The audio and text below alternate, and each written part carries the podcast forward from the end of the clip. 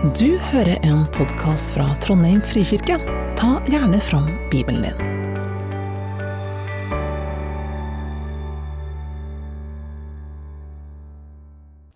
Jeg skal lese fra Matteus 7, um, 24-29. Hver den som hører disse mine ord og gjør det de sier, ligner en klok mann som bygde huset sitt på fjell. Regnet styrtet, elvene flommet, og vindene blåste og slo mot huset. Men det falt ikke, for det var bygd på fjell.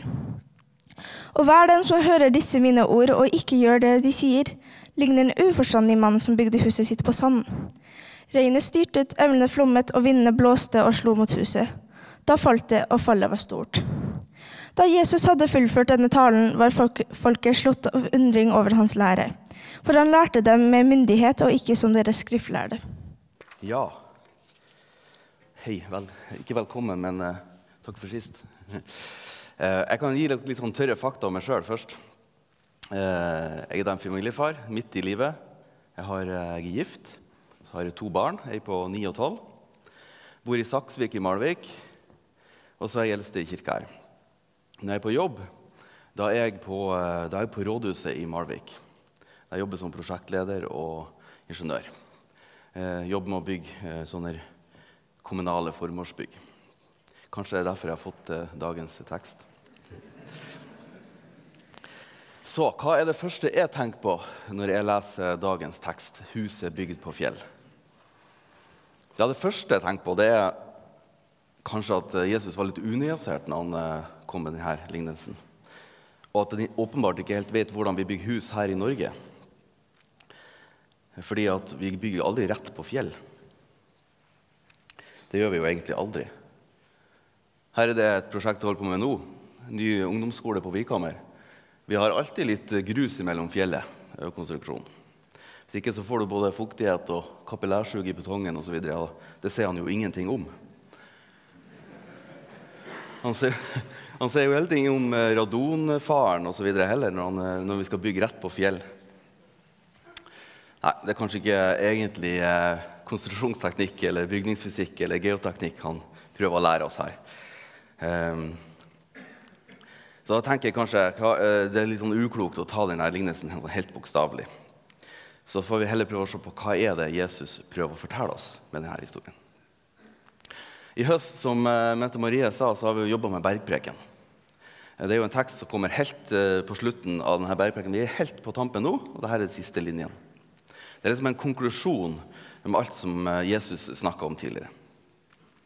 Og Det enkleste for meg nå det er kanskje da å bare henvise dere til podkasten. Eh, for der har vi jo alle de gamle eh, Der ligger jo alle talene fra i høst. Så bare lytt til dem. Så jeg, trenger jeg kanskje ikke å si så mye mer. Men eh, sånn helt alvorlig så kan det være fint at dere gjør det. da, Gå tilbake og så lytt litt på de gamle, de gamle talene i, fra i høst. Hvis dere har litt tid, er ute og går, på, og går en kveldstur og har på podkast, så kanskje, kanskje dere kan velge dem hvis dere ikke har fått med dere alle talene, eller hvis dere vil høre noe på nytt.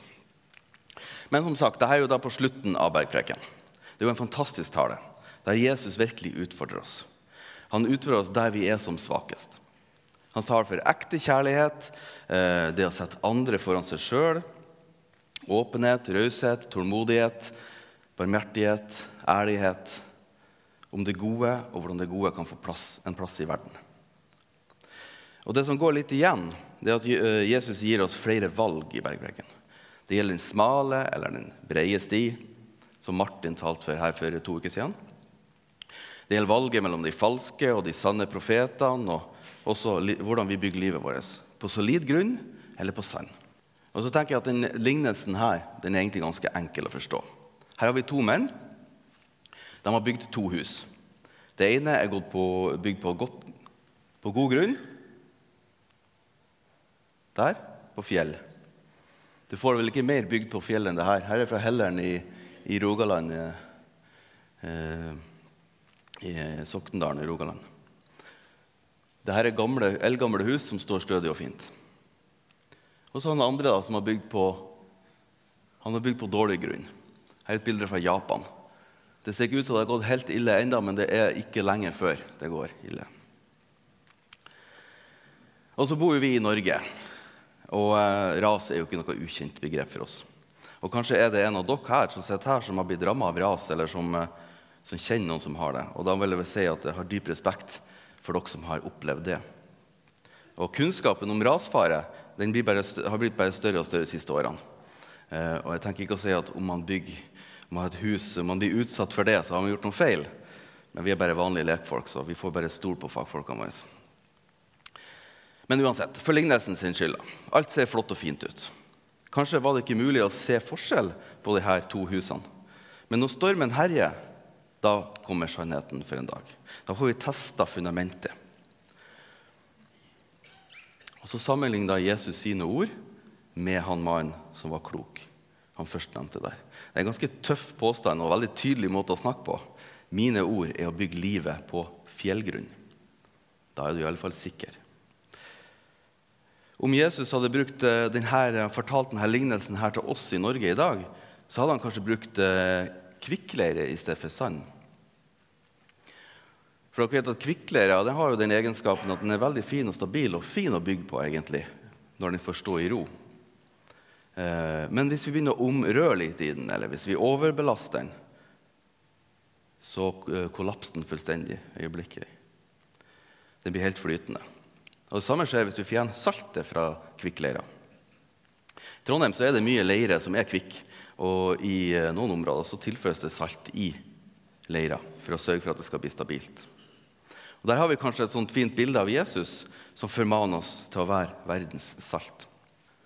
Dere er jordens salt, står det, sier Jesus i Matteus 5, 13. Så kvikkleira kan jo være fin å bygge på, men den er ikke urokkelig. Det er sårbart, det er tandert, og det er ikke et godt fundament. Når vi bygger på fjell, da har vi noe som er utafor byggverket til å støtte oss opp. Vi har et anker som er på utsida av sjølve konstruksjonen, eller oss sjøl. Vi trenger ikke bygge på vårt eget fundament. Vi lar troen og tilliten til Jesus bli et anker, og vi blir grunnfestet, som Paulus sier i sitt brev her i Efeserne kapittel 3, vers 17. Må Kristus ved troen bo i deres hjerter, og dere stå rotfestet og grunnfestet i kjærlighet. Og Gud er jo da kjærlighet. Huset på fjell det er liksom livet vårt når vi bygger på noe som er fast og uforanderlig. Kanskje vi kan eh, tenke på huset på sand, som å bygge det på f.eks. våre egne følelser. Vi skal jo ikke undertrykke våre egne følelser, og de kan lære oss masse nyttig om hvordan vi kan forholde oss til hverandre. Men jeg tror, har, jeg tror, at vi har fått følelsene våre av Gud. Og Jesus sjøl viser jo følelser. Vi kan lese i Matteus 9. Jesus vandret nå omkring i alle byene og landsbyene. Han underviste i synagogene deres, forkynte evangeliet om riket og helbredet all sykdom og plage. Og da han så folkemengdene, fikk han så inderlig medfølelse med dem, for de var forkomne og hjelpeløse som sauer uten gjeter. Men jeg stoler ikke alltid på mine egne følelser. De er så skiftende. Noen ganger får jeg en sånn overveldende følelse av Guds nærvær. Ehm, noen ganger så er det total stillhet. Niks. Nada. Jeg ber, men det føles som jeg ber ut i det store intet. Jeg blir fylt av tvil. Er du der? Kjenner du meg? Kjenner jeg deg? Jeg Er god nok? Bryr du deg om meg? Så jeg har kommet til at jeg kan ikke la følelsene mine styre det her. Det blir for usikkert. Jeg må ha noe konkret, et anker, noe som er utafor meg sjøl. Jeg var i en eh, konfirmasjon i Oslo rådhus i mai i år. Eh, det var ikke en kristen konfirmasjon. Men taleren i denne konfirmasjonen han sa det noe som jeg mener sånn, kanskje litt typisk for tida vi lever i. Jeg husker ikke helt ordlyden. det gjør jeg ikke. Men hun sa noe sånn at til ungdommene at eh, det er viktig at dere prøver ulike veier i livet. Om noe er vanskelig, eller om du møter motstand, eller føler at dette ikke er helt noe for deg, så er det bare å rygge tilbake og så finne på noe annet. Livet ligger liksom åpent foran oss, og det er bare til å gripe det. Få mest mulig av den tida vi er her. Og Noe av det kan jeg sympatisere med, men det blir veldig opp til oss sjøl å lykkes. Og så at vi skal, Om vi møter motstand, eller føler at det ikke er 100 riktig det vi har gjort, valgt, så blir det fort sånn at man blir usikker på det. Har vi da valgt feil? Og det eneste som står i veien for meg og min lykke, det er meg sjøl. Jeg tenker at det er et formidabelt ansvar å legge på ungdommene. Så tror jeg fort at det kan bli sånn at man bygger opp umulige forventninger til hvordan livet skal bli. For hvem er det som med hånda på hjertet kan si at man ikke har tunge dager på jobb, eller lurer på har jeg valgt feil? Eller sammen med venner, eller i menigheten, eller familie. Skulle jeg ha tatt uh, alt jeg føler for god fisk til enhver tid, så hadde det ikke vært veldig mye fremdrift i min tid. Men jeg tenker at det har blitt litt sånn.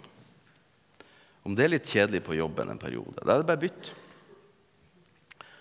At jeg tenker at det her legger mye, altså, samfunnet legger det her på oss, at vi skal lykkes. Men Jesus han legger det på seg, legger det på seg sjøl at vi skal få lov til å bygge liv som holder. Stol på meg, sier han, så bygg dere livet som står ut stormen. Og jeg syns denne lignelsen her er veldig god. den. For det å bygge livet på noe som holder, noe som er fast og uforanderlig, det er kanskje mer relevant enn på lenge. I denne omskiftenes verden, som kan på en måte endres bare over dagen. Sosiale medier, Internett, de kan liksom skifte opinion bare på dager. Vi påvirkes fra alle hold. Og mobben samler folk fra øst og vest bare på timer. Lukas han uh, gjengir en tale som Jesus hadde, som ligner veldig. Historikere mener at uh, det er sannsynlig at Lukas og Matteus har samme kilde. Og kanskje er det samme historien. Og Bibelhistorikere som Michael Kona han mener at Jesus ikke holdt denne talen bare én gang. Han holdt den mange, mange ganger. Og kanskje ble den litt ulik hver gang. Uansett, Eh, så har Lukas med et ekstra ord eh, som jeg bet meg litt merke i. Vi kan lese fra Lukas 6, 48-49. Han ligner et menneske, altså den kloke mann. Ligner et menneske som skulle bygge et hus som gravde dypt og la grunn på fjell, grunnmuren på fjell. Da flommen kom, brøt elven mot huset, men kunne ikke rokke det. For det var godt bygd men den som hører og ikke gjør etter det, han ligner et menneske som bygde huset på bakken uten grunnmur. Da elven brøt mot huset, falt det sammen med en gang og ble fullstendig ødelagt. Og som gravde dypt og la eh, grunnmuren på fjell, mot han som bygde uten grunnmur. Hva betyr det her? Betyr det at vi er nødt til å gjøre en jobb at vi må finne fundamentet. Kanskje gir det oss hint om at vi finner fundamentet om vi bare graver dypt nok. Og så var det han som bygde uten grunnmur. Kanskje betyr det at vi, at vi trenger å forsterke noe. At troa kan være bygd f.eks. troa da, kan være bygd på feil premiss. Eller at troa i sitt uttrykk ikke holder i lengden.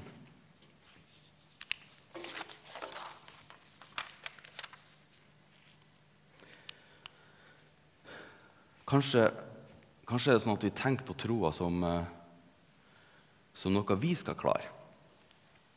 Og at vi derfor ikke har lagt eh, den på fjellgrunn. At vi ikke har gitt troa vår en eh, grunnmur, eller forankra den på utsida av oss sjøl. Jeg har lyst til å gjengi et nydelig sitat som, fra Karsten Isaksen. Han sa En gang bar jeg troen, holdt den fast med anspent hånd, viste den frem som noe jeg eide, talte om den som en sak inntil jeg mistet grepet og skjønte at å tro er ikke å mene, men å leve i Guds mening. Å tro er ikke å ha funnet, men å være funnet av Kristus. En gang bar jeg troen, nå bærer troen meg. Og Her tror jeg Isaksen er inne på noe som er fundamentalt riktig. Vi må bygge vår tro med Gud som fundament. Vi må ikke la troa bli noe vi sjøl skal klare, men noe vi legger i Guds hender. Sjøl er vi litt ustabile, flyktige. Men jeg skal komme litt tilbake til det her senere. Her er fra i sommer. Da var jeg i, eh, på et, eh, heter pilegrimstreffet. Det er et sommertreff til Holy Riders eh, nede i Fyresdal. Førsdal, som de sier der. Holy Riders er en sånn kristen motorsykkelklubb som jeg er en del av. Og Der hørte jeg et vitnesbyrd fra en som var medlem, hadde vært medlem i Hells Angels. her berykta motorsykkelklubben som, som, har litt rufsete uh, historie i forhold til både kriminalitet og andre ting. Han hadde nå tatt imot Jesus, og så hadde han forlatt det miljøet. Han beskrev det som at han hadde satt føttene sine på fjell. Han kom fra et kriminelt miljø med harde kår. Det var ett feilskjær, og det straffes. Og straffa sjøljustisen der er knallhard. Og det ble ikke å bygge et uh, livskraftig liv med framtid og håp. Det var som å leve på en knivsegg, hvor du står mellom straffen fra fellesskapet eller straffen fra rettsvesenet. Men han hadde kommet seg ut, han. Og så hadde han satt føttene sine på fjell, som han sa. Og det var ganske sterkt å få se han få utdelt et ryggmerke. Han kunne leve trygt, uten frykt. Ja, Et ryggmerke det er det at du får eh, Som motorsykkelklubber har, du ser der de har ryggmerke på ryggen for å vise at du er en fullt medlem i klubben. Men han hadde altså kommet sammen med Gud, og han har fått et liv med han som bærer, som gir tilgir. Et liv fra, sammen med han som har skapt han, og som elsker han for den han er. Ubetinga. Og det usikre livet i frykt og kriminalitet det ble bytta ut med noe som var hele veien hjem til Gud. Og I sånne kontraster så ser vi tydelig de to valgene her. Huset på sand eller huset på fjell. Ja, Vi kan gå litt tilbake til dagens tekst, for det står jo her. Hver den som hører disse mine ord og gjør det de sier, ligner en klok mann som bygde huset sitt på fjell. Hver den som hører disse ord og gjør det de sier. Altså, Vi kommer ikke unna det at vi er nødt til å gjøre noe for å bygge et liv på fjellgrunn. Grave dypere, som Lukas igjen sier. Jesus forteller oss at vi skal sammen så kan vi gjøre hans ord. Ikke bare høre og tro, for frelsen så er det nok å ta imot. Men for å bygge et liv på stødig vis så er det nødvendig at vi også tar til oss og gjør det han sier. Vi må elske våre fiender. Vi må ta ut bjelken fra vårt eget øye før vi kritiserer andre. Vi må ikke dømme hverandre. Vend det andre kinnet til. Gjør mot andre som du vil at andre skal gjøre mot deg. Alt dette er gode ord til oss. Og Hadde ikke verden vært paradis på jord om vi alle hadde klart det, om vi mennesker hadde klart det og gjort det. Og Jeg liker veldig godt det ransakende i denne teksten. Ikke døm andre før du har fått fjernet bjelken i ditt eget. Jeg tenker at Han har jo humor også. Jeg tenker at uh, Det må jo vært noen som humra litt for seg sjøl når han uh, ga det her bildet av den bjelken ute av øyet, uh, eh, sjøl om det er litt alvor. Men det er jo det Jesus ber oss om, å ransake oss sjøl. Vær ydmyk. Og er det ikke mennesker som Jesus her beskriver, vi ønsker å ha nært i livet vårt? Men det er ingen som har sagt at det her er lett, og det vet også Jesus. Og Derfor så går det jo som det måtte gå. Han døde på korset for oss, sånn at vi likevel kan komme til Gud, og vi kan få bli rettferdig i ham. Men jeg klarer ikke helt å gi slipp på Karsten Isaksen og hans ord om troa. Og det er en setning som har snurra rundt i hodet mitt den siste tida, eller siste året. egentlig. Er det min tro som skal bære alt dette? Lars Gjørans hode der. Ja. Jeg, har, jeg, har, ofte tatt meg sjøl i et sånt bakholdsangrep på dette spørsmålet. Er det min tro som skal bære alt det her? Er min frelse knytta til hvor mye jeg klarer å tro? Hvor mye jeg klarer å bygge livet mitt på Jesus sine ord? Og det kan slå meg helt av banen. Har jeg nok tro til at det rekker hele veien hjem? Skal jeg sjøl bære ordet i hjertet mitt hele veien, om jeg blir frista til å slippe, da er det over. Helge snakka om akkurat det. Fristelse. Det var for en måneds tid siden. Og det er kanskje det en av de tingene som ga meg eh, mest gjenklang. Klarer jeg å beholde troa helt til dagen jeg dør? Og når jeg begrep av denne tvilen her, og usikkerheten, så minner jeg meg på om Jesus sine siste ord på korset. I Johannes 19, kapittel 30, så står det Da Jesus hadde fått vineddiken, sa han det er fullbrakt. Så bøyde han hodet og utåndet. Om det er riktig, så kan vi hvile i at vi er frelst av Jesus. Det ble fullbrakt på korset. Fullbrakt. Ikke litt, ikke halvveis, nesten, ikke 99% Nei, det ble fullbrakt. Og det gjelder for meg også. Hans kjærlighet har frelst meg. Ikke mine egenskaper, ikke mine følelser, ikke mine gjerninger. Ikke i min kraft, men i hans kraft. Nå bærer troen meg. Det er ikke jeg som bærer troen. Og det rekker. Det blir ikke tomt. Jeg faller ikke fra. Og den vissheten holder liv i min tro og min tillit til Jesus. Fundamentet er på Jesus. Fundamentet er på Jesus og ikke meg sjøl. Vi kan gjenta. Å tro er ikke å ha funnet, men å være funnet av Kristus. En gang bar jeg troen, nå bærer troen meg. Det var, det var ei gammel dame i familien som døde for noen år siden. Hun, eh, hun har vært troende hele livet, og troa hadde satt et spor i, henne, i alt hun gjorde. Og mange vil sikkert se at hun var en sånn dyp kristen, hva enn det betyr. Men jeg vet at hun hadde mye frykt, og hele livet var hun redd for å gjøre feil. Hun, kom fra en nordnorsk eh, pietistisk tradisjon hvor alt som vi syns jeg vil kalle moro, er liksom synd. Å danse, spille kort, spille trommer, se på TV. Ja, Det meste man gjorde som ikke var enten å arbeide eller å be, det var feil. De siste årene hun levde, så ble hun dement, og så mistet hun seg sjøl gradvis. Eh, hun ble redd, for når hun mista seg sjøl, så mista hun også kontroll på hva hun gjorde, hva hun tenkte, og hva hun sa. Og Da ble hun innhenta av sin egen frykt. Hun hadde fundert troen. Hun hadde ikke fundert troen på noe utafor seg sjøl. Og Siste gang jeg besøkte henne på sykehjemmet, så så hun på meg med livredde øyne. Og jeg kommer ikke til å glemme det blikket. Hun sa noe sånt som Tenk om ikke jeg kommer til Jesus. Tenk om ikke jeg klarer å holde troa helt inntil det siste. Og det tror hun tenkte, det er liksom Hva om ikke jeg rekker å be om tilgivelse for den siste synda? Altså om jeg dør med synd som ikke er oppgjort eller tilgitt. Og hun hadde enorm dødsfrykt.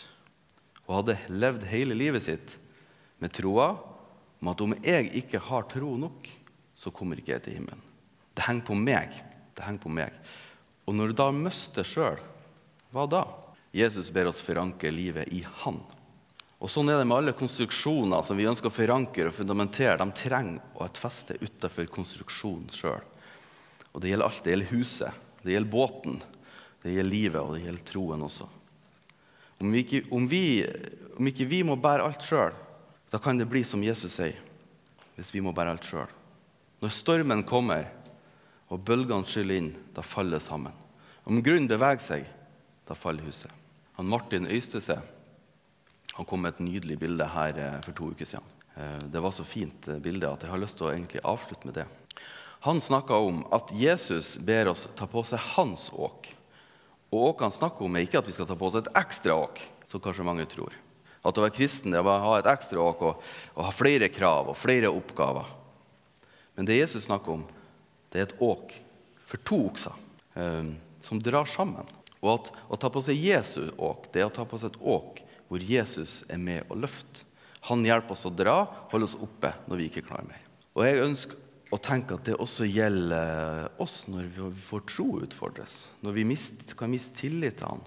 Når vi føler at vi ikke strekker til, eller når Gud føles langt, langt borte. For evangeliet handler jo ikke om hva vi eh, kan eller kan gjøre, men hva Gud har gjort for oss.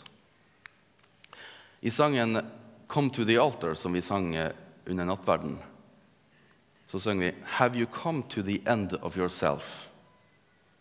Do you thirst for a drink from the well Jesus is calling? Have you come to the end of yourself? Altså mot slutten av det sjøl. Det kan jeg kjenne meg igjen i stadig. Både i møte med andre, i handling, i bønn, i tro. Og da er det godt å vite at ved slutten av meg sjøl, der står Jesus og fører meg videre. Han har tatt oss i vare. Da kan vi be litt sammen. Kjære Jesus, takk for at du er her sammen med oss og holder oss oppe. Takk for at vi kan få ta på oss ditt åk og hvile i din kjærlighet og nåde. Takk for at vi kan få legge livet vårt på ditt fundament og bygge det på fjell. Vi ber om at du hjelper oss i å se fylden av din kjærlighet, sånn at vi sammen kan dele det videre med andre. Amen. Takk for at du hørte på. Velkommen til gudstjeneste søndager klokka 11. Mer informasjon finner du på trondheim.frikirke.no.